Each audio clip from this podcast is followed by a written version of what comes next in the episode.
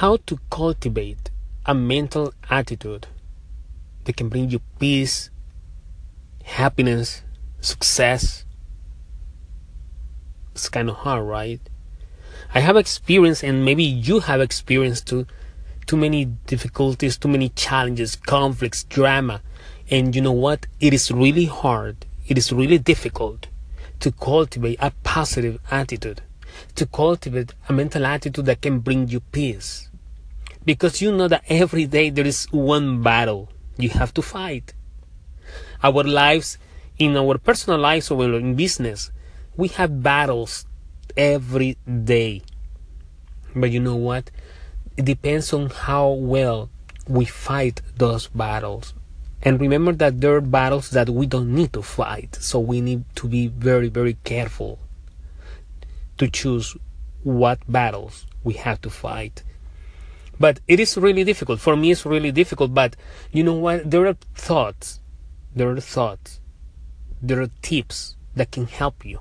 Actually, I'm experienced with three thoughts, three tips that are helping me to cultivate a better mental attitude, a mental attitude that can bring peace and happiness to my life. And I want to share with you. Those three tips are number one, count your blessings. You have heard that, right? Yes.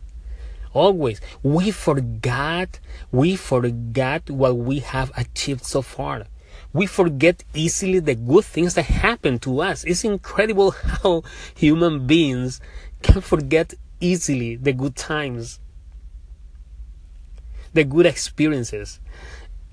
Sometimes I amaze myself how I forget the blessings that I have with my family, with my work, with my new projects, with my new ventures, with my friendships. It is incredible how human beings are so ungrateful with the good things that happens to our lives. So count your blessings, count the good things you have, and remember all the good times that you have experienced so far, and try to bring them to your mind so you can have a better attitude, a positive attitude.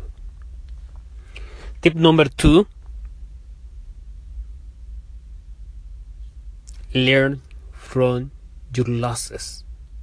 Everybody fails, everybody has disappointments, every everybody has problems. But the good thing about this is that you have to learn from your failures, learn from your losses, profit from your losses. Okay, it doesn't matter. You initiated something and you fail, that's good. What's the problem? I fail every day. But what's the problem? The point is that we have to learn, you have to learn from your failures, from your mistakes, from your errors. You have to profit from your losses. When you prepare mentally and you call it be a mental attitude that, okay, this is not a failure, it's not definite, I have to learn. Adopt a learning attitude. Every failure brings a lesson, brings a story. You have to learn it in order not to repeat it again and be successful the next time you face the same situation. So learn from your failures, profit from your losses. And tip number three, this is very, very important. Expect ingratitude. Or in other words, don't expect anything from anybody.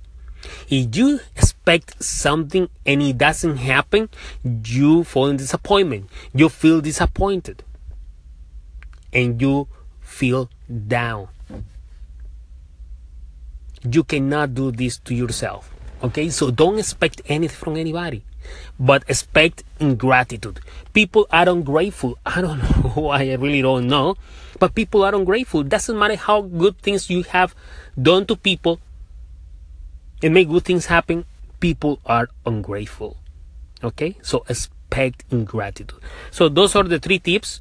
Count your blessings, profit from your losses, learn from your failures, and expect ingratitude. What do you think?